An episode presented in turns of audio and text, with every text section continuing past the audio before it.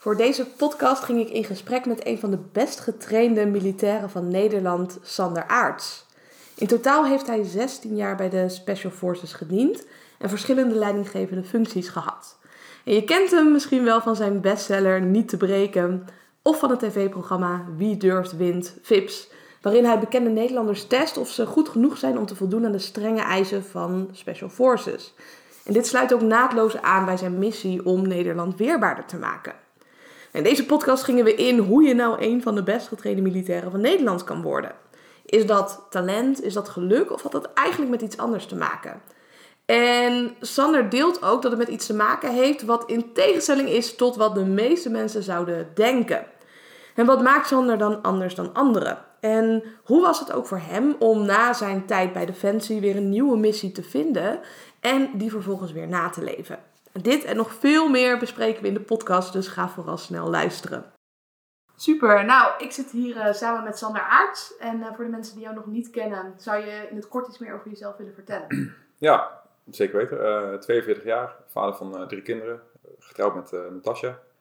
Oprichter van Unbreakable Academy, een bedrijf. Nu sinds, we gaan nu ons, ons vijfde jaar in. En eigenlijk daarvoor, zeg maar, voordat ik ondernemer werd, een lange carrière bij Defensie achter de rug in 1996 bij het Corps Mariniers uh, gestart. En toen vrij snel al richting uh, specialisatie gegaan. Eerst als marinier de commandoopleiding gedaan, toen uh, de kickwassmanopleiding. De, de Nederlandse equivalent van de, van de Navy SEALs. Mm -hmm. En eigenlijk sindsdien bij, bij Marshof, zoals het tegenwoordig heet. Maritime Special Operations Forces, een, een, speciale eenheid van het Corps Mariniers. En daar heb ik het grootste gedeelte van mijn, van mijn carrière tot mei 2017 bij, bij gediend. En dat is ook niet zo met de basis voor veel uh, van de dingen die ik doe. Dus uh, een bedrijf die gebruikt bepaalde principes en elementen vanuit mijn achtergrond. Na mijn vertrek bij Defensie ook gaan, uh, gaan schrijven. Dus inmiddels twee boeken geschreven. En sinds een aantal maanden bij Videoland op tv met Special Forces VIPs. Ja, dus daar kennen mensen jou mogelijk van. Ja, ja inderdaad, van jouw boek. Ik heb al een aantal luisteraars gesproken voor de podcast. Die waren allemaal super enthousiast dat ik met jou ging podcasten. Oh, die kennen dit verhaal waarschijnlijk allemaal wel. Ja. Voor de mensen die jou wel al kennen, wat is iets wat de meeste mensen niet van jou weten? Zo, moet ik echt een soort van geheim gaan delen hier? Nee, ja, of misschien, ja, ik heb bijvoorbeeld zelf, uh, nou, de meeste mensen weten wel dat ik topsport doe, ja. maar ik heb zelf in het verleden selectie bij F16 gedaan en dat is hem toen niet geworden, oh, ja. maar dat is ja. bijvoorbeeld niet iets wat ik op mijn Instagram zou zetten. Ja, zo, ja. Nou, iets wat, wat, wat ik zeg maar uh, niet heel veel deel of zo, maar wat trouwens wel in een van mijn, laat, in mijn laatste boek staat.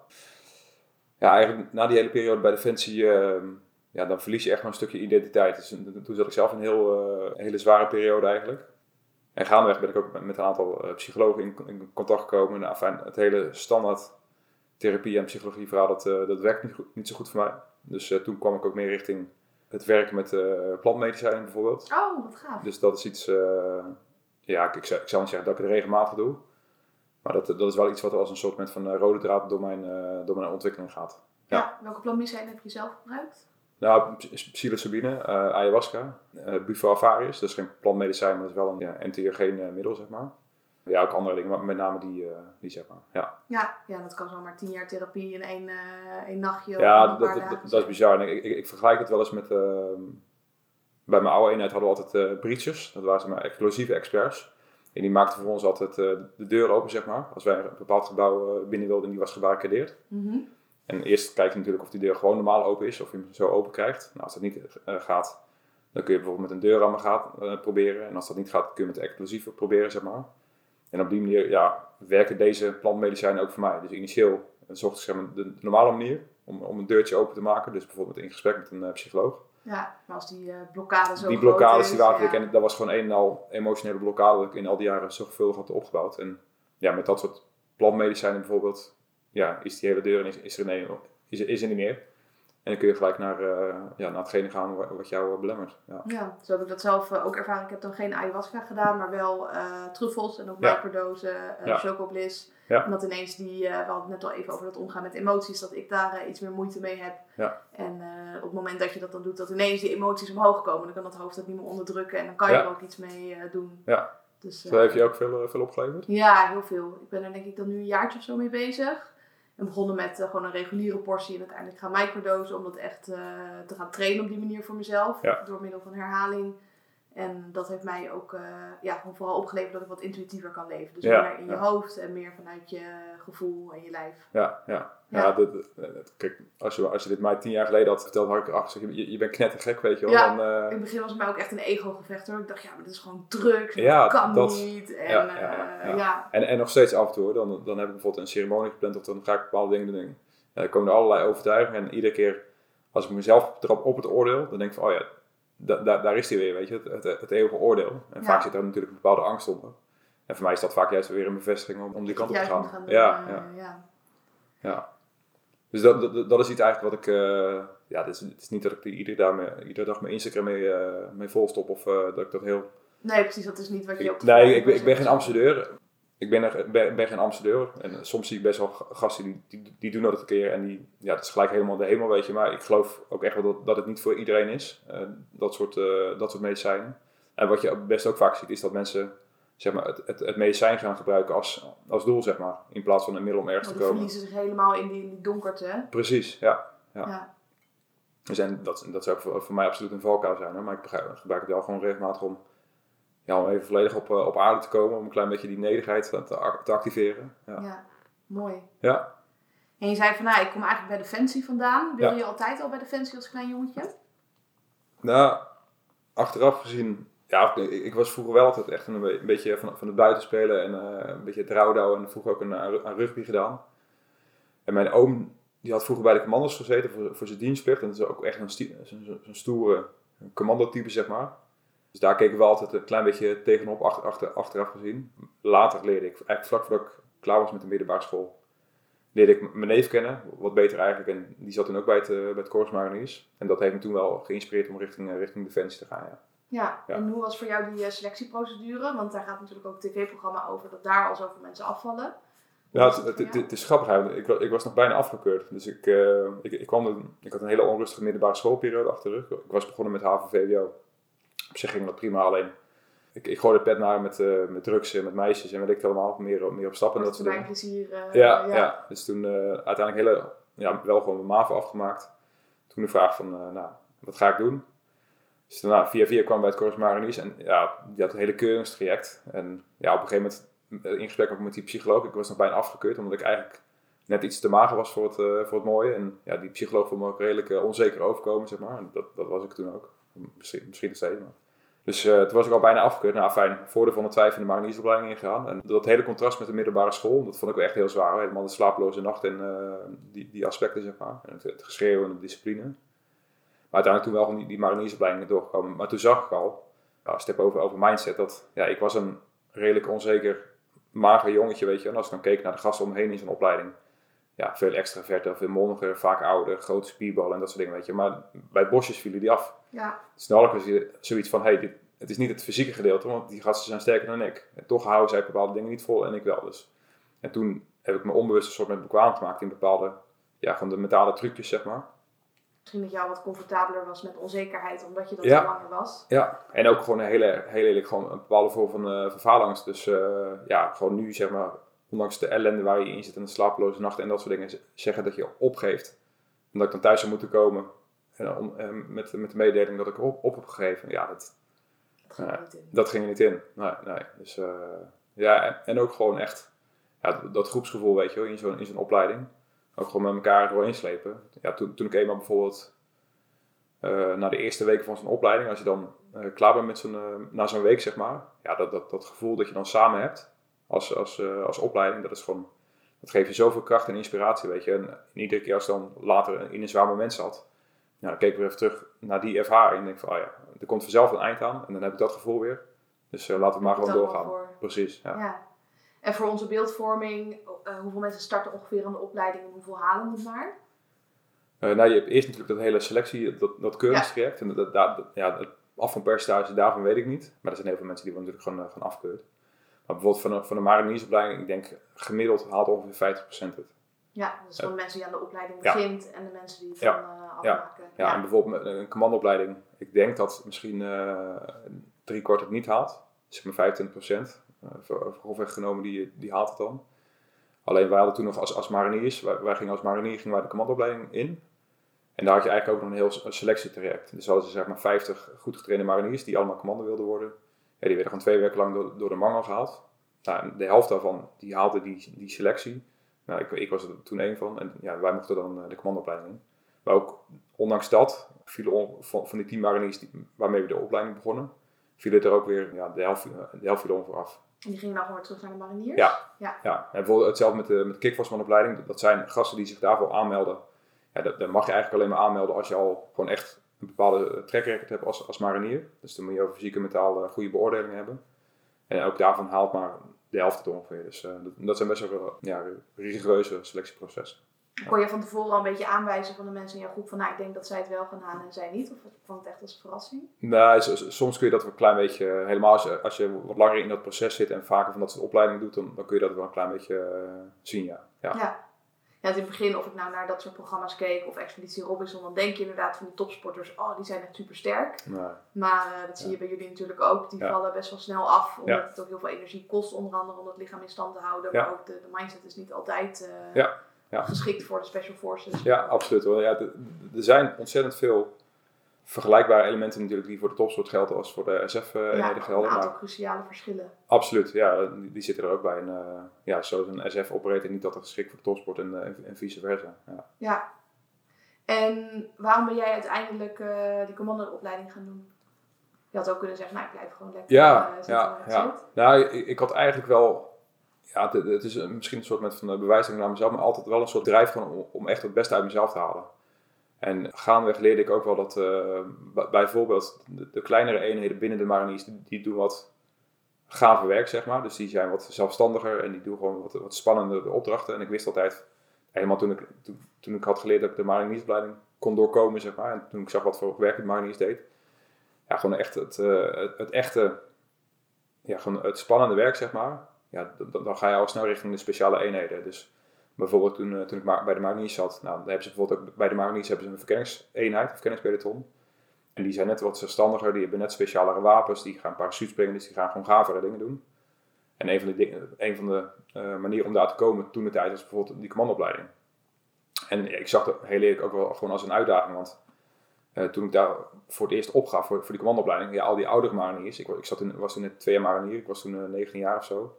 En er waren al oude mariniers die hadden het al geprobeerd en die, ja, die waren naar Noorwegen geweest en allerlei ervaringen, zeg maar. En die zeiden, ja, dat, dat, ik zou eerst nog even verwachten, weet je wel. Dat, ik ben nog veel te jong en dit en dat. En toen dacht ik aan dat gesprek met die psycholoog. En die zei toen ook van, ja, ik weet niet of jij wel geschikt bent voor, voor, de, voor de mariniers. Dus ergens is het ook een soort moment van, uh, ja, fuck it, ik, uh, ik laat het zien. Dus mensen zeggen dat je het niet kan, ja, ja, het juist gaat ja, Ja, en ook gewoon voor mezelf, ook gewoon voor de uitdaging. En ja, je hebt gewoon, er, ergens had ik gewoon het gevoel dat ik gewoon alles eruit kon halen. Dus, uh, en ik was dan ook echt, ik train altijd veel met, met een vaste buddy. Ja, dat was gewoon super krachtig. Als je gewoon iemand naast je hebt die ook gewoon geïnspireerd is en die, uh, die wil, wil gaan, weet je, die ambitieus is, dat, ja, dat, dan motiveer je elkaar natuurlijk om het, om het beste eruit te halen.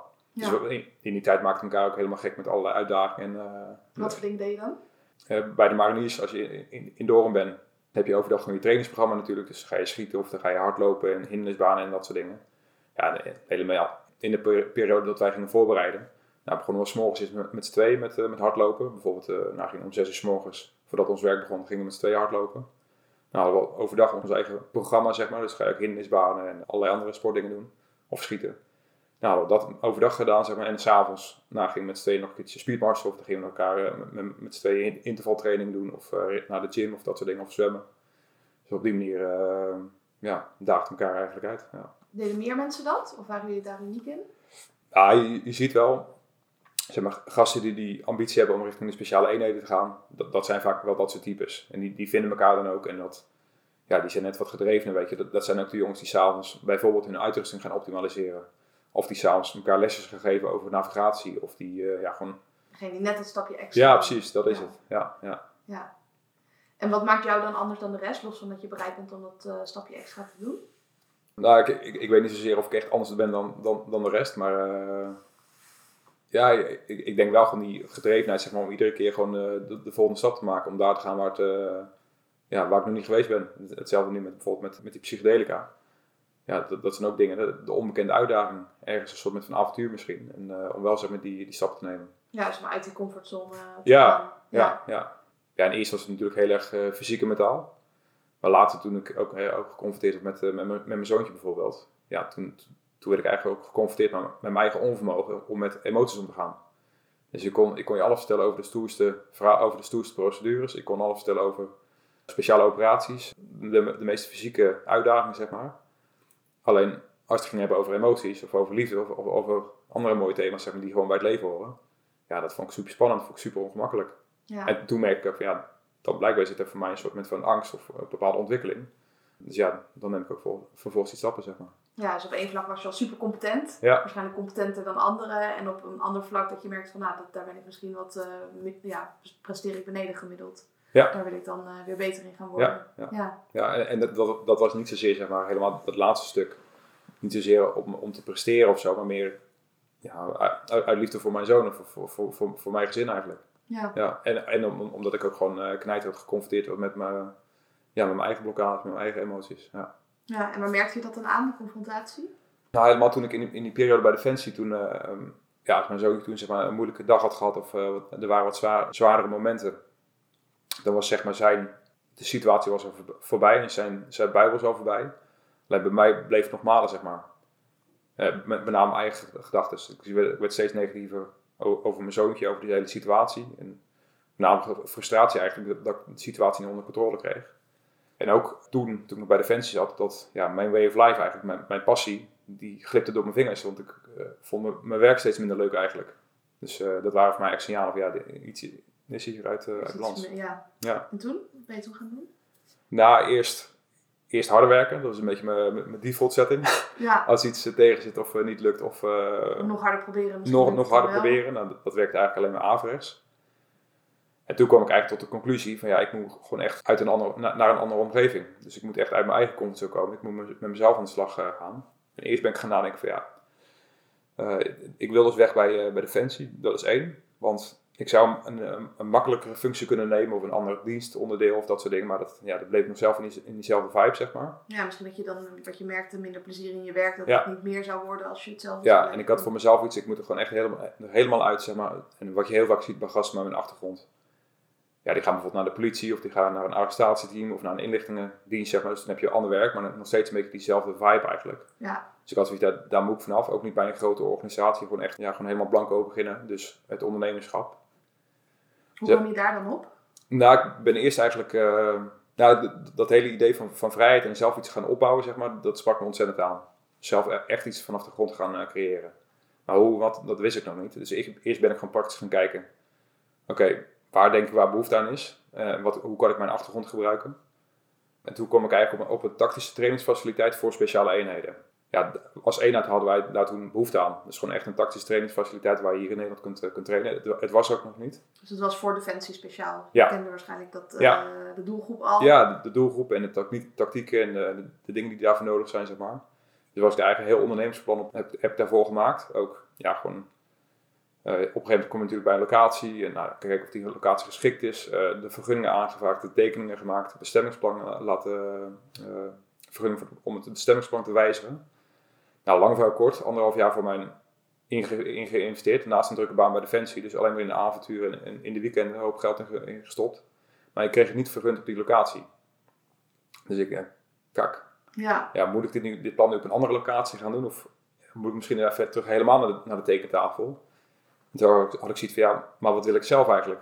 En wat, ik zelf, vind, vind- wat vind ik zelf leuk om te doen? ja, in plaats van waar ze vraag naar. Precies, Dat je ja, zelf gaat ja. kiezen voor je doelgroep. Ja, en, dus toen ben eh, ik gaan, gaan reflecteren op mijn, eh, op mijn carrière. Van ja, de momenten die mij inspireerden, zeg maar.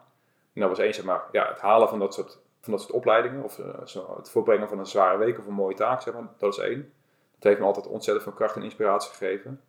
Andere mensen helpen, het zorgen voor andere mensen. En helemaal als ik naar al die opleidingen kijk en al die zware situaties, dan had ik best wel altijd het vermogen, zeg maar, om best wel beschouwend te kijken naar de situatie en wat er gebeurde. En je zag altijd best wel standaard patronen als mensen onder extreme omstandigheden werken.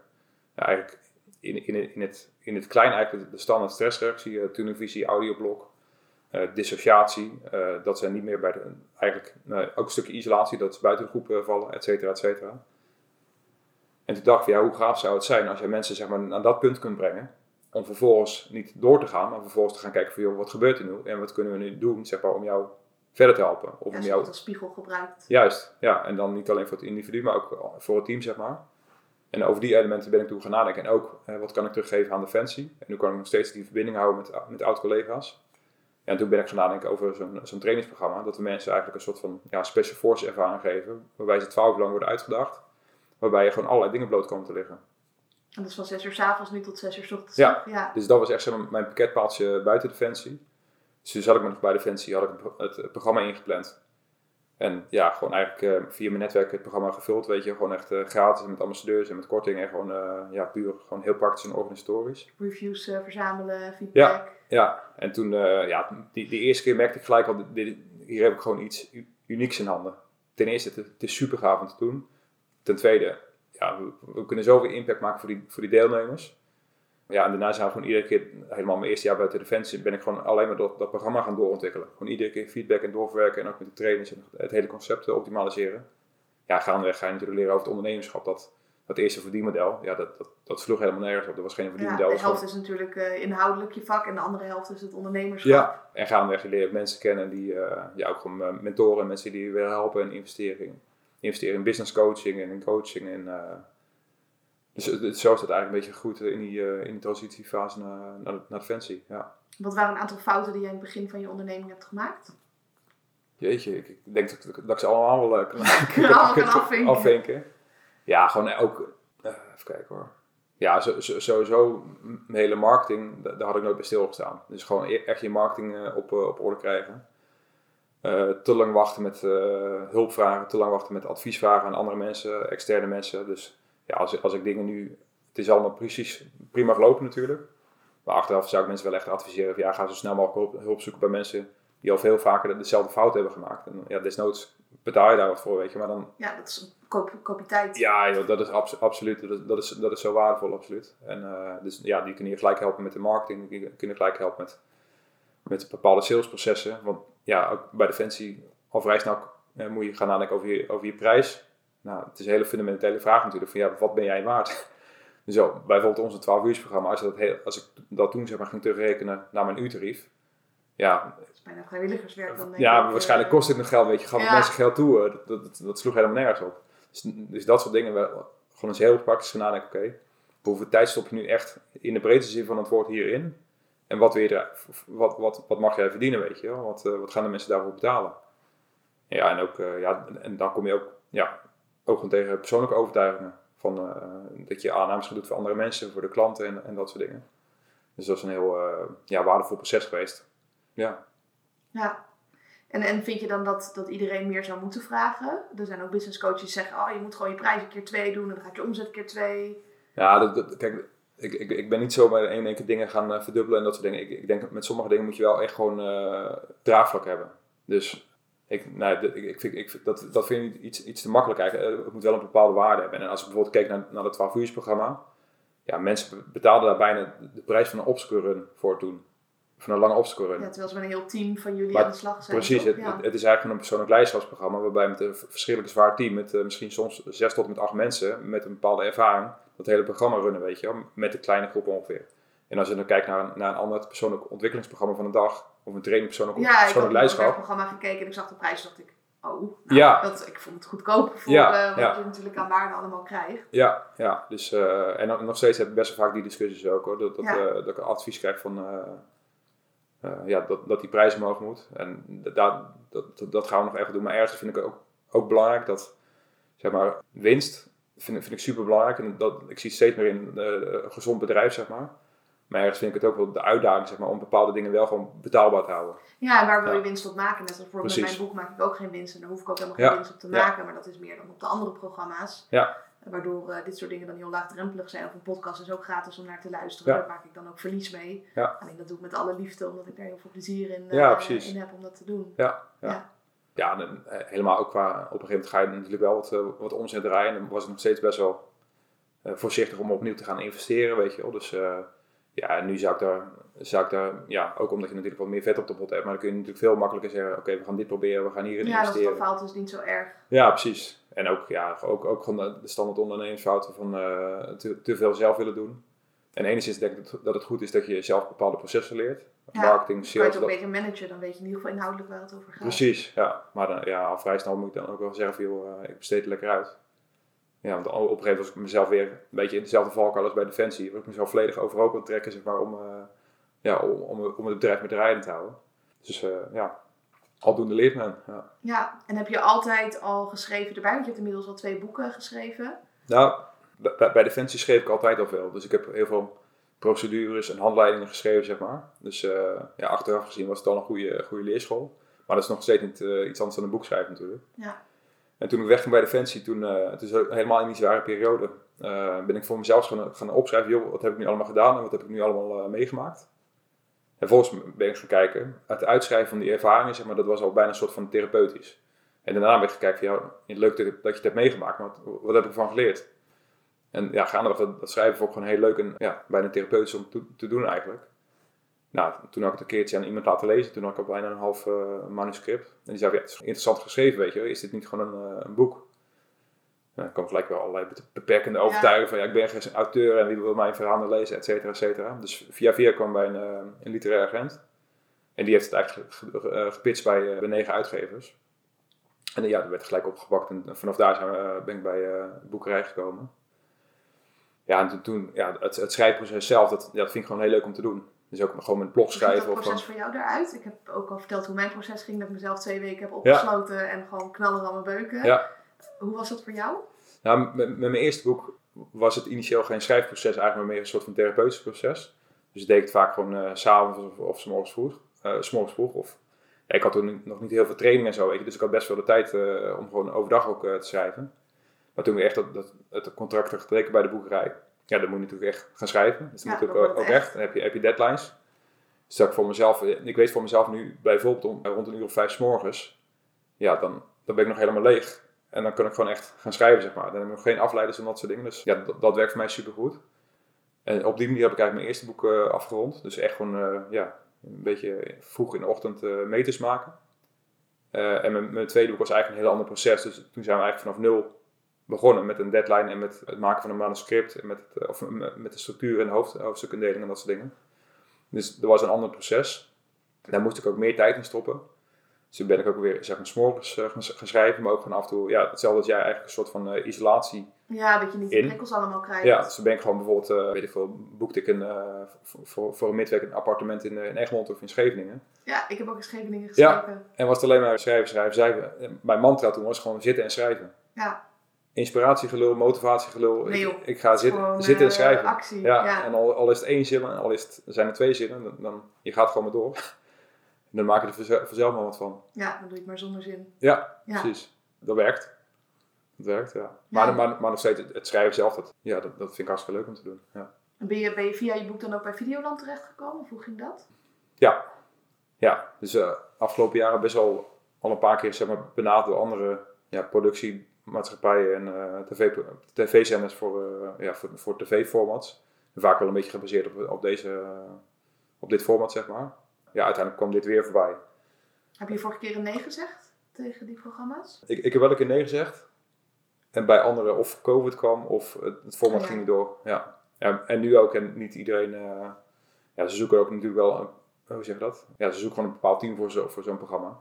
Dus nu bijvoorbeeld voor eh, Special Forces VIPs zat er van tevoren ook een soort van eh, ja, se- selectie aan natuurlijk. Of dat team een beetje past en of je eh, ja, Of geschikt het bent. team zelf in balans is, want je ziet binnen het team ook Ja. heel duidelijk verschillende rollen. Ja, ja. en ja, of je ook geschikt bent om op tv te komen, weet je. En dat was ook even dingen...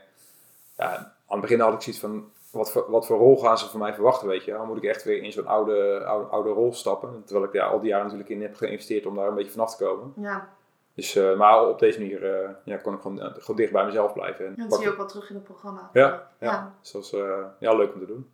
En mocht je het ook zelf regisseren, welke opdrachten ze kregen? Of ging dat ook weer in samenspraak met de productie? Nou, sowieso een spa- samenspraak. Alleen Erik, die, de, de, hoofd, de, de voorman. Ja. We zijn eigenlijk met z'n tweeën wel aan de voorkant betrokken geweest om, dat hele, om het hele programma te, te designen. Zeg maar. Dus we zijn ook van tevoren een week naar Slovenië geweest.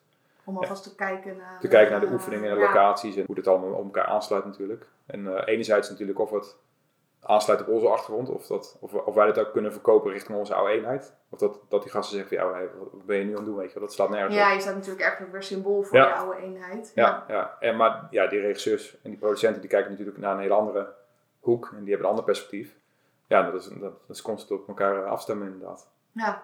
Ja. Er zijn nu natuurlijk twee programma's op tv die over defensie gaan. Ja. Zijn aan de ene kant lijken ze op elkaar ook weer heel verschillend natuurlijk. Hoe Ja. verschillen de eisen die jullie hanteren versus bijvoorbeeld het kamp van Koningsbrugge? Nou, ik, ik denk met eisen en dat soort dingen, dat, ja, dat, dat, dat heeft wel een aardige overlap natuurlijk. Ja. Met, met, met die verstanden, vol- volgens mij met Kamp van Koningsbrugge, zijn ze qua voorbereiding, hebben ze volgens mij wel meer tijd. Dus ja, net zoals deze Dan de BN'ers. deelnemers bedoel je? Of Ja. de- ja. Ja. Dus voor mij deze BN'ers die bij ons aansluiten, die, ja, die, die krijgen op een gegeven moment natuurlijk te horen van heb je zin om mee te doen. En eh, die hebben een iets andere voorbereidingstraject natuurlijk dan iemand die ja, misschien wel een jaar geleden vanuit interne motivatie dat, dat wil gaan doen Ja, natuurlijk. precies. Ray vroeg ook aan mij van, ga je volgend jaar meedoen eh, Ja, met ja, het programma? En dan ook mijn jaar kunnen voorbereiden. Ja, ja. Ja. En? Nee, Nee? nee, ik heb zelf een spierziekte, waardoor, eh, daardoor eh, ben ik ook niet doorgegaan met mijn eh, avontuur bij Defensie. Ja. Mijn spieren verkrampen sneller dan bij mensen die dat niet hebben. En daarom ben ik juist wat aan het trainen met kou. Ja. Maar dat zou mij waarschijnlijk nekken bij best wel snel in de programma's, dat ik me gewoon letterlijk niet meer kan bewegen. Dus dat is best wel onpraktisch. Ja, ja. Dus vandaar dat ik de overweging heb gemaakt om... Heb je daar met je te topsport geen, eh, geen last van gehad? Powerlift in ieder geval niet. Gewoon echt heel goed warm aankleden. En het voordeel met topsport is dat je je eigen... Je, je houdt zelf de controle. Dus ik bepaal helemaal hoe mijn wedstrijd gaat. Zeker in de powerliften. Terwijl ja, bij zo'n programma, je weet niet wat op je pad gaat komen. Als wat je bij jullie programma ook zag, als je dan begint met het springen uit een helikopter in het koude water. Ja, dan is het voor mij al snel Ja, eh, game over. Ja, Ja, ja. Dan ja maar jongens, dat eh, gaan we niet doen hè. Eh, heb je daar ook last van in het dagelijks leven of niet? Nou, omdat ik die koudtrainingen doe, juist weer niet. Dus daardoor maak je weer meer bruin vet aan, daardoor heb je het warmer. Maar als ik in Rusland zou wonen, waarschijnlijk wel. En vroeger heb ik daar ook wel meer last van gehad. Als we dan, toen nog een klein kind was en dan ging mijn moeder met de kinderwagen lopen. En daar zat ik dan bijvoorbeeld in. Als ik dan opstond, dan kukelde ik gewoon recht voorover, omdat mijn spieren in de kramp schoten. Zo, oké. Ja. Ja, het ziet er enger uit dan het is eh, eigenlijk. Het Ja. is een eh, foutje in eh, mijn ionkanalen. En heel veel mensen hebben dat als ze het koud hebben, dat ze in de kramp schieten. Alleen ik heb dat dan ietsje sneller. Ja, ja. Ja. Heftig. Ja, ja. En, en een voordeel van die ziekte is wel dat je sneller spiermassa ontwikkelt dan mensen die dat niet hebben. Oh ja? Dus ik denk dat dat weer het stukje talent is wat mij heeft geholpen in de topsport Ja, om eh, ja, bijvoorbeeld in powerlift kampioen te worden. En op, de, op de langere termijn? Of, de, of het nadelig is, bedoel je? Ik weet het eigenlijk niet. Mijn, eh, als ik kijk naar mijn vaders kant, want daar komt het vandaan. Mijn opa en oma zijn allebei heel oud geworden. Volgens mij kwam het bij mijn opa vandaan. Dus ik weet niet wat het doet. eh, ja. In ieder geval niet qua levensverwachting. Ja. ja. Volgens mij is het eh, verder niet. Mee, hoor. Ja, Ja. Het klinkt altijd heel eng van, oh, ik heb een spierziekte of, of dingen. En mensen die zijn allemaal van, oh, ik moest van de week naar de tandarts. En dan wilden ze ook weten wat ik allemaal had. In verband met verdoving en dat soort dingen. Maar dat, het valt allemaal mee. Je hebt, je hebt geen medicijnen over de kou. Nou, er zijn wel medicijnen voor. Dat je minder last krijgt van die krampen. Alleen er zitten zoveel nadelen aan dat je vermoeider bent. Dat je in gewicht aankomt. Ja, ja. Mood swings. Ja, dat eh, liever niet. Ja. En heel veel doktoren die raden helemaal niet aan om de kou op te zoeken. Oh ja? En nou, dat ben ik dus zelf maar een beetje gaan doen aan de hand van... eh, ik wilde op een gegeven moment een podcast helemaal in het begin opnemen met iemand. En die had met Wim Hof de polenreis gedaan. Ja. Dus hij zei, oh leuk, eh, ik zie dat je topsporter bent. En hij was dan topondernemer. Ik wil wel met je podcasten, maar dit zijn mijn voorwaarden. We gaan eh, in de sauna, we gaan samen trainen. Want ik wil wel door een powerlifter getraind worden. En we gaan dat ijsbad in. Ja. En toen eh, dacht ik van, oh help, hoe ga ik dit doen? Ja, ja, ja. Maar ik durfde niet te vertellen dat ik die spierziekte had. En ik dacht, ja, ik wil dit gewoon heel erg graag doen. En volgens mij eh, is het misschien wel mogelijk. Dus toen ben ik elke dag koud gaan douchen als voorbereiding. En toen ben ik toch dat ijsbad ingestapt. En toen dacht ik, nou, het valt eigenlijk wel mee. Ja. En vanaf daar ben ik het gewoon regelmatig gaan doen. Dus minimaal een paar keer per week. En toen merkte ik eigenlijk dat het met mijn spierziekte ook steeds beter gaat. Dus ik ben echt die weerstand aan het opzoeken, omdat dat me veel weerbaarder maakt. Dus ik eh, ga vaak ook zonder jas naar buiten met Ja, het weer. Of ja. dan naar buiten zwemmen of koud douchen. En dat werkt eigenlijk voor mij veel beter dan eh, andere soorten medicijnen. ga- ga- gaf die arts eerst een, echt een contra-indicatie of niet? Ja, ja, Oh ja? ja? en dat heb ik van mijn ouders ook altijd meegekregen. Kleed je goed warm aan. Ja, ja. eh, verwarming hoog draaien. Vooral niet die kou opzoeken. Ja, ja. Ja, Bijzonder hè? ja, dus ik heb heel erg die programmering gehad Ja, van mijn ja, ouders daarin dan om in die comfortzone te blijven. Terwijl ik dat nu... eh, Ja, juist- helemaal als je dat bevestigd krijgt door een arts. Ja, je moet het Ja. gewoon doen. Ja. Ja, ja, precies. En ik zie nu ook, nu ik daar meer in aan het verdiepen ben, ik was dan bijvoorbeeld, eh, wat ik zei vorige maand bij Tibor. Ja. En toen moesten we ook met z'n allen het koude water in. En ik ben heel erg gewend om te denken, oh ik ben anders dan de rest als het gaat om mijn spieren. Oh ja. En we gingen het koude water in en naar het koude water uit. Maar we mochten niet meteen eh, aankleden, maar we moesten nog een paar rondjes lopen en echt lang buiten blijven staan. En toen zag ik ineens dat andere mensen ook in de kramp schoten. Toen dacht ik, oh ja, ik ben helemaal Ja. niet de, de enige. Ik ben dan geneigd om te schrikken van, oh help, ik, ik schiet in de kramp. Ja. Maar eigenlijk hebben heel veel mensen dat wel. Ja, Ja, vol- volgens mij met, kou, dan mensen, ja, voor mij iedereen verkrampt wel een beetje. Of, eh, Ja, precies, De, standaard default setting is natuurlijk om, eh, om te gaan vechten. Ja, ja, in plaats van hem los te laten. Ja, en eh, ik denk ook dat dat ijsbad daarvoor ook helpt. Dat ik dat meer los kan laten en meer kan ontspannen. Juist eh, in de kou, maar ook in natuurlijk andere Hoe, situaties. hoe vaak moet je dat nu doen? Hoe vaak ik dat doe zelf? Ja. Ik denk de ijsbad of het koude water ga ik nu een paar keer per week in. Misschien heb je die bak al eh, voor de deur zien staan. Oh, Toen ja. ik hier nog woonde, ging ik gewoon elke dag, elke ochtend stapte ik erin. Maar nu heb ik geen tuintje meer waar ik woon. Dus dan gaat dat helaas niet. Maar ik heb wel een plas eh, in de buurt, dus Ja. daar stap ik dan in. En eh, mijn douche staat eh 90% van de keren staat heel koud, tenzij Ja. mijn haar was. Het is wel dagelijks dat ik dat eh, doe. Ja. Ja, werkt goed hoor. En jij? Want ik zag jou op Instagram ook al in de ijsbakken zitten. Eh, nou, zo- zo- sowieso koud afdouchen, dat eh, ja, doe ik eigenlijk eh, sta- standaard. Behalve s'avonds laat eigenlijk, voordat ik, eh, als ik eh, s'avonds nog gesport heb of zo, dan eh, vo- voor het naar slaap gaan doe ik het niet. Maar eh, Bewust niet? Of? Nee, anders dan, dan, ja, dan kom ik zo hypen, die, kom ik die douche uit, dan, eh, dan slaap ik niet meer. Ja. Dus ik weet niet hoe, die- hoe die bij jou ook, maar... eh, nee, ik slaap er juist wel goed door. Echt, ja? douchen. Ja. ook als je vlak voor het slapen gaan. Oh. Ja, eerst deed ik dat ook niet. Ik dacht, oh, ben ik veel te hyper. Ja. Het is even een piek en daarna is het een diepe dal. Dus daardoor slaap ik wel veel, eh, Oh. veel dieper. Nou, die neem ik gelijk mee. Ja, Ja, ik, moet zeggen, daarnaast in, eh, we verwerken best wel vaak in, eh, in trainingen. Dus we geven best wel veel eh, bedrijfstrainingen. Dus dan verwerken we ook vaak zo'n zo'n ijsbadsessie in een tweedaagse teamtraining of dat, of dat soort dingen. En dan ga je zelf natuurlijk ook gewoon, gewoon mee. ja, En nu, ik doe zelf eigenlijk wel regelmatig. Dan ga ik hardlopen op strand. Ik eh, ongeveer 50 kilometer bij, bij Noordelijk vandaan. En dan ja, hardlopen op strand. En dan ja, het liefst ook in, in, in de winter. En dan ergens op drie kwart. Dan is het kleren uit Ja, de zee. En even, eh, ja, daarna kun je bij wijze van spreken gewoon eh, nog een ronde lopen. heb je het niet meer koud, hè? Nee, helemaal Ja. niet. Nee, ja, dat is altijd eh, dat is fantastisch. En vaak ook met, met de jongens met wie ik werk dan. Ja, dan rij je vaak naar, naar Tolenburg, een, recreatieplas bij mij in de buurt. Gaan daar een beetje hardlopen en dan eh, even het water in natuurlijk. Ja. Ja, Ja, en ik vind natuurwater ook weer een hele andere beleving dan het ijsbad. Ja. absoluut. Dan heb je veel meer weersomstandigheden van de wind, waardoor er meer extra kou op je komt. Ja, dus ja. Dat ben ik nu juist weer meer aan het doen in plaats van heel het ijsbad zitten. Want dat is bijna ja, makkelijk geworden. Ja, En eigenlijk heb ik een keer een record geprobeerd te zetten. Als je het hebt over extreem, dan doe ik dat natuurlijk ook. Dat is volgens mij 15 minuten. Oh ja, En dat ging eigenlijk heel erg makkelijk. Ik had nog makkelijk waarschijnlijk eh, 5 of 10 minuten langer kunnen zitten. in de ijsbad. Dus toen dacht ik van, nou, ik moet dit eh, gaan oprekken. Ik moet het anders gaan doen. Dus nu juist het zwemmen buiten en het eh, ja. meer in natuurwater gaan in plaats van koud douchen. En, eh, Ja, ja. ja dat, dat, is volgens mij wel als je echt in zo'n ijsbad is. Je natuurlijk stil, dan krijg je wel op een gegeven moment wel zo'n isolatielaag Precies, precies. Ja, Dus dan wordt het weer comfortabel. En ik wil juist, dat vond ik ook mooi van dat programma van die een, een van die gasten. Dat jullie zeiden, ja, jouw comfortzone is gewoon zo groot. ja, ja. En als je er buiten gaat, dan, dan raak je in paniek. Ik denk, ja, mijn comfortzone is ook best wel groot. Hoe ga ik toch Ja. daar weer buiten treden? ja, ja. Want hoe doe jij dat zelf? Buiten mijn comfortzone? Ja, Ja, dat, dat is eigenlijk altijd wel met die, met die eh, spirituele reizen. ja, Dus dat is altijd, ja, daar kom je al.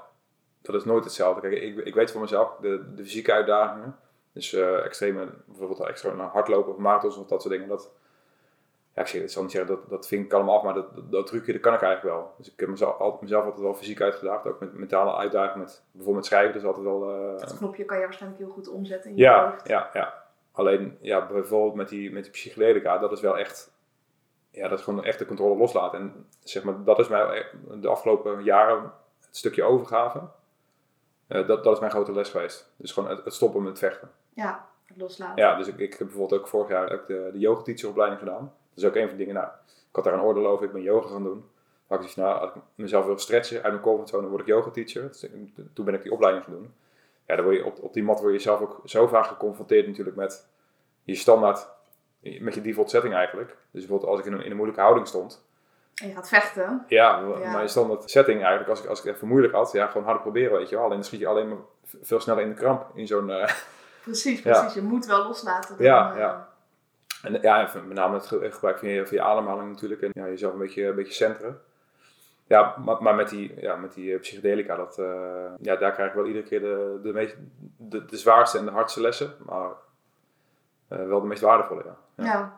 en ik vind het mooi van die psychedelica ook dat je nooit meer krijgt dan wat je aan kan. Ja. Tenminste, dat idee heb ik in ieder geval van Ja. het is wel pittig, maar Ja. Eh, kan het wel handelen in die zin. Ja, ja. Ja. Nou, ik, ik, ik heb ook wel echt een situatie gehad van, eh, dat, dat ik het niet meer kon handelen.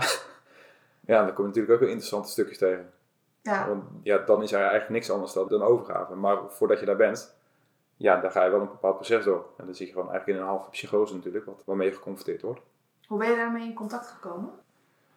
Nou, dat was, dat was dan eigenlijk in die periode dat, eh, dat, dat, het- dat het wat moeilijker ging. Ook met het hele proces dat ik wegging bij Defensie.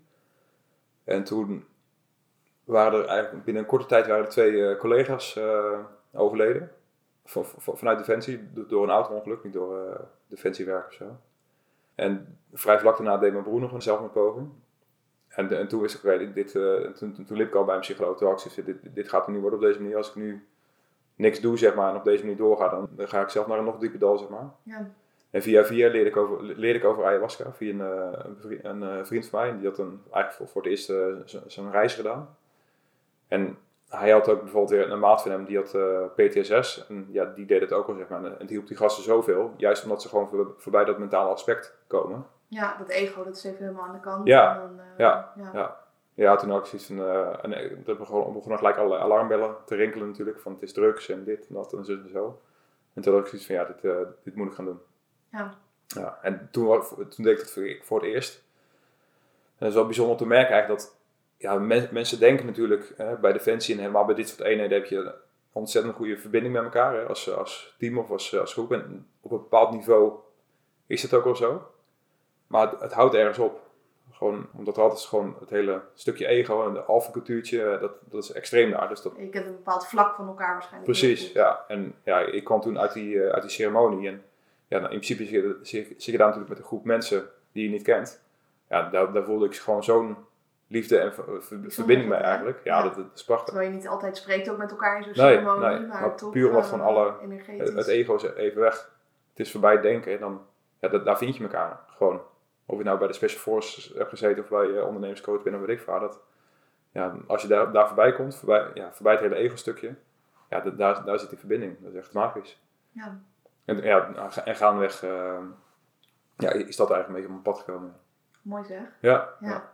Mag dat ook eh, gecombineerd worden met Defensie eigenlijk? Ik weet Nee. wel dat toen, nee, toen ik ze voor Defensie eh, selectie wilde gaan doen, heb ik echt tot die tijd ook nooit iets met Nee. drugs gedaan. Want Nee. nou, op een gegeven moment gaan ze dat vragen en dan kan je natuurlijk liegen, maar dat voelt voor mij niet goed om te doen.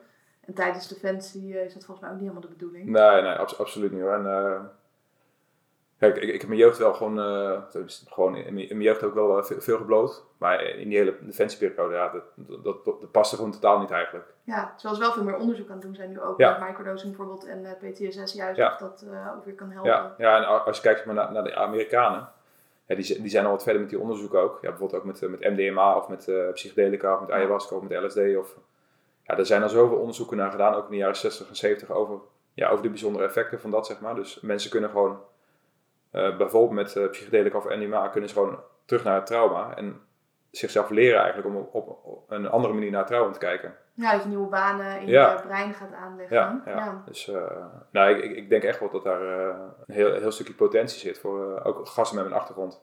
En nu ook, ja, ik luister best wel veel van die, Amer- van die Amerikaanse podcast. En dan zie je gewoon steeds weer gasten ook gewoon niet zo intensief geleefd hebben, zeg maar. En dan die, die transitie maken vanuit Defensie. Ja, die zijn echt gewoon geholpen met dit soort programma's. Maar, maar dat is niet alleen, wat, ik- wat ik zeg, ik ben geen ambassadeur voor psychedelica, maar, Nee, maar, maar, maar is wel... gewoon wel er in een manier in ieder geval om daar Ja, om te gaan. Ja, nee, ik denk gewoon wat dat betreft moeten mensen echt gewoon eigenlijk op zoek gaan naar hun eigen medicijn. En of dat nu psychedelica is of, of paardencoaching of gewoon meditatie, meditatie of, ijswater, groepsgesprekken. of- Ja, ja. ja. ja. en helemaal natuurlijk om, ja, daarom praat ik er ook over, om, om wel een beetje het stigma er vanaf te halen. Ja, Dat je gewoon allemaal een beetje, kijk, in, ieder mens is gewoon beschadigd. Alleen als je een bepaald leven doormaakt, zeg maar helemaal zo intensief, ja, dan wordt die beschadiging wat groter. Ja, en op een gegeven moment moet je daar iets mee. An- Anders geef je het over aan de, aan de volgende generatie. precies. Ja. Ja. dat heb ik ook heel erg gemerkt. Ik heb ook eh, familieopstellingen gedaan. Ja. Dat je dan heel erg voelt welke trauma's je weer van je ouders hebt gekregen, en weer van hun ouders, enzovoort, enzovoort. Ja, ja. Heb, heb je dat bij, uh, bij Els van Stijn of niet? Nee, ik heb eh, bij Sanne van Pasen, die eh, heeft de opleiding volgens mij bij Els van Stijn inderdaad Oh gedaan. En zij is zelf eh, wereldkampioen veldrijden geworden. Dus zo eh, via de podcast was ik er met haar in contact gekomen. Ja. Ook bij Isabel, hoe heet ze van achternaam? Weet ik niet meer. Bij Tibor was zij ook aanwezig. Oh ja. Dus twee keer nu gedaan, maar dat zal ik ongetwijfeld ook nog wel vaker gaan doen. Ja, ja, mooi. Heb jij wel zoiets gedaan? Niet, niet zeg maar in de, ja, zeg maar in de traditionele familieopstelling. Maar ik bijvoorbeeld ook via via ben ik bij een, het is nu inmiddels een vriend, mijn eigen soort van eh shamaan terechtgekomen. Hij, hij noemt zichzelf geen shamaan, want dat is, komt natuurlijk uit een bepaalde stammenlijn, zeg maar. Maar het is, het is gewoon een Nederlander. Hij heeft gewoon wereldwijd heeft hij allerlei opleidingen en trainingen en is bij allerlei shamanen geweest, zeg maar. Dus hij, gebruikt, hij, combineert het, eh, het shamanisme met eh dieptepsychologie. Dus hij werkt met je energie eigenlijk, dat, dat, dat is wat hij doet. En toen ik daar voor het eerst kwam, ja, brengt hij je eigenlijk in een hele meditatieve toestand. En toen bracht hij me eigenlijk wel terug ook ja, richting een soort van familieopstelling. Ja. Dus dan, dan voel je in één keer van, ja, hoe, hoe, die, hoe die energie stroomt ook. eh, ja. Ja, dus niet met andere mensen die daar Nee. voor stonden, maar echt puur op basis van jezelf. ja, dat was eigenlijk een soort van binnenreis wat hij, eh, wat hij doet. Ja. Gaaf. Ja. ja. Waar zou jij zelf op persoonlijk vlak nog naartoe willen voor de komende jaren?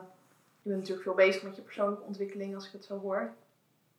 Nou, eigenlijk naar het punt dat ik nergens meer naartoe hoef. Ja, precies. Dat je gewoon realiseert, ook ik ben er al, er hoeft niks meer bij. Ja, ja, ja. ja en da- da- daar, daar zit er veel meer ruimte in hoor. Gewoon echt die, eh, ja, gewoon dat, dat stukje innerlijke rust, weet je wel. Gewoon echt, ja, dat, dat, dat, dat ik st- steeds meer ga zien en beseffen en voelen wa- wat het betekent om te leven. En, en nog steeds heel vaak dan, ja, sta ik niet altijd bij stil, weet je. Maar steeds meer begin ik gewoon te zien dat, ja, het leven, dat, dat gaat over de meest basale dingen eigenlijk. En, en daar, daar zit echt eh, de magie, weet je wel. En heel bazaal, gewoon ja, letterlijk in je, in je adem. Ja. En daar, daar valt er zoveel ver- verdieping en rijkdom en verlichting en eh, succes en geluk uit te halen, puur uit je ademhaling. Nou, het is zo dichtbij dat we er alleen maar over, voorbij denken natuurlijk. ja, precies. Moet Maar- alleen maar meer, meer, meer. Ja, In plaats van dat we even terug gaan naar de basis. ja, ja. Ja, gewoon echt steeds meer ook voorbij mijn e- eigen ego komen. Dus als ik bijvoorbeeld ook met, met gesprekken of met ja, de wat moeilijkere mensen, de wat moeilijkere gesprekken, dat ik dan ook nog steeds ja, de, de menselijkheid er- erachter blijf zien. Hoe, hoe moeilijk ook iemand doet, zeg maar. Ja. Ja, dus eigenlijk steeds met mijn eigen oordeel een beetje loslaten. En dat, vind- dat vind ik eigenlijk... Dat mensen die je inspireren, dat, eh, ken, je, ken je Ram, Ramdas? Nee. Ramdas, eh, het is een spirituele, ja, hij, hij is overleden. En zijn officiële naam is Albert Hofman volgens mij. En hij is begonnen als eh, psycholoog, op, of professor psychologie op, op Harvard. Nou, gaandeweg hij nog steeds iets van, hij mist iets of zo. Dus hij stu- studeerde jaren psychologie, hij do- doceerde, maar nog steeds ja, mist hij iets. En zijn vriend, dat, is, of dat was Timothy Leary van de Roos van Leary. En die introduceerde eh, psychedelica bij hem. Dus nou, toen deed hij voor het eerst bijvoorbeeld een, een reis met, eh, met truffels. En hij zegt, in, in, die, in die reis van drie uur heb ik meer geleerd over psychologie dan, af- Ja, dan de afgelopen twintig jaar. voor mij eh, Ja. ook. Ja. Ja. en dus toen is hij eigenlijk eh, heel, helemaal in, de- in, de, in de psychedelica gegaan met LSD en weet ik het allemaal. En daardoor is hij ontslagen op Harvard. En ja, toen is hij op een gegeven moment met zijn spirituele reis begonnen. En op die manier is hij in India terechtgekomen bij, bij zijn guru. En zijn guru, ja, die, die, die doorzag hem gelijk eigenlijk. Dus die zei tegen Ramdas van nou, jij hebt medicijnen. En die Ramdas die, die wist gelijk eigenlijk dat hij het over die LSD had. Hij had die LSD bij zich. Dus die, die, die guru zegt, geef die medicijnen maar aan mij. Dus hij geeft er zo zo'n stripje LSD. En Ramdas die denkt van, nou, die, gaat, die wordt helemaal gek hier, weet je wel. Gewoon zware... En dan zegt hij, nou, geef hem nog een eentje. Geef hem nog een eentje. En Deed die- niks. nee, want er, is ni- er was niks meer mee te werken. Ja. Die LSD die gaat natuurlijk op je ego zitten. Maar die, Ah. die gast die had geen, e- die had geen meer. nee, wauw. Dus daar zat helemaal niks meer. En eh nou, ga- gaandeweg teachte hij eh, Ramdas. En op een gegeven moment kreeg hij de opdracht, kreeg Ramdas de opdracht, ga je teachings me doorgeven. Ga maar terug naar Amerika en ga je teachings me doorgeven. Dus toen is eigenlijk Ramdas is, eh, ja, een soort spiritueel leraar geworden. Uh, als, je, als je het interessant vindt, moet je, moet je zijn documentaire maar eens kijken. Dat, en die documentaire, die heet eh, Becoming Nobody. Dus hij heeft zeg maar de eerste eh 40 jaar van zijn leven, Ramdas, heeft hij knijterhard gewerkt Om iets te worden. om, om status te krijgen, om professor te worden, om geld te krijgen, om eigen vliegtuigen, bla bla bla bla bla. En de tweede helft van zijn leven, en voor mij is dat ook zeg maar de spirituele reis, is om steeds meer van die overtuigingen van wie jij denkt te zijn, om die te verwijderen. En hoe, hoe meer jij jezelf uit de weg gaat, ja, uiteindelijk blijft er alleen maar liefde over. Ja, dat is ook de essentie Dat is, dat is de Eh, essentie, ja. ja. Nou weet ik niet of, of het die kant op gaat, maar, maar ik merk wel aan mezelf dat ik gewoon door op deze manier te leven, zeg maar, op deze manier gewoon mezelf te blijven ontdekken. Ja, dat, dat voelt, zo, zo goed, gewoon. En er komt steeds meer ruimte, er komt steeds meer ja, ruimte voor wie of wat ik dan ook ben, zeg maar. Mooi. Ja, Ja. dus dat. ja, en waar zou je op zakelijk vlak naartoe willen? Want je gaf ook aan van in het begin van mijn onderneming dat ik wel visie waar ik dan Ja. eh, naartoe wilde met het bouwen juist van het bedrijf. Op persoonlijk vlak minder, maar op het vlak van het ondernemerschap, wil je, waar wil je daarin naartoe? Nou, er- ergens zeg maar, die, die twee sporen, zeg maar, mijn persoonlijk vlak, uh, mijn zakelijk vlak, maar ook mijn spirituele ontwikkeling. Ergens begon dat een klein beetje te bijten ook, zeg maar. Dus ik was heel veel bezig met spiritualiteit, maar ja, dan ging ik eigenlijk dus daar nog in ver dat, ja, waarvoor ben ik nou mijn bedrijf aan het bouwen, weet je wel. commercieel, dat vond ik allemaal lastig eigenlijk. Op een gegeven moment had ik zoiets van, ja, ben ik weer zo met terug naar de teken, tekentafel gegaan. En met, met mijn bedrijf hebben we eigenlijk als missie om Nederland, uh, Nederland weerbaarder te maken. En eigenlijk vanuit, vanuit een integraal perspectief. Dus als je nu zeg maar ja, googelt weerbaarheid of trainen op weerbaarheid, dan zie je vaak ja, of een agressietraining of een fysieke weerbaarheid of ja, best wel... Een online cursus vind je ook nog wel eens. Ja, ja echt best wel uh, eendimensionaal zeg maar. Maar ik geloof juist heel erg in, het, uh, in een integraal perspectief. Dus niet alleen je fysieke ontwikkeling, mentale ontwikkeling, maar ook je emotionele ontwikkeling, ook je spirituele ontwikkeling. Dus ook het stukje spirituele weerbaarheid zeg maar. Dus, en als ik nu kijk naar het aantal burn-outs, stressgevallen, mensen die aan de antidepressiva zitten, en ja, dat, dat, dat rijst de pan uit. Dus ik geloof heel erg in het concept van, van weerbaarheid. Ook als ik kijk naar mijn achtergrond, zeg maar, als wij onder de moeilijkste omstandigheden werken, en gasten waren, waren niet weerbaar genoeg, genoeg, zeg maar, ze, ze konden niet met omstandigheden omgaan, kregen ze eerst de standaard stressreacties, dus tunnelvisie, audioblok, ze waren niet bereikbaar. Vervolgens werden ze uit de groep geplaatst en vervolgens ja, haalden ze eigenlijk de opleiding niet. Ja, en ja, eigenlijk op marketingniveau gebeurt het volgens mij ook best wel vaak in de maatschappij dat mensen gewoon niet weerbaar genoeg zijn. Ze hebben niet de, de, kennis en de tools en de begeleiding zeg maar, om dat, dat te ontwikkelen. Ja, zeker.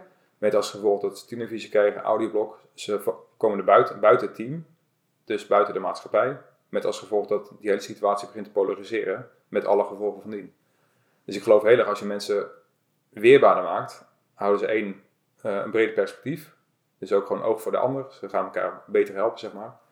Op die manier maak je eigenlijk ook gewoon de, maatschappij een stukje, een stukje weerbaarder.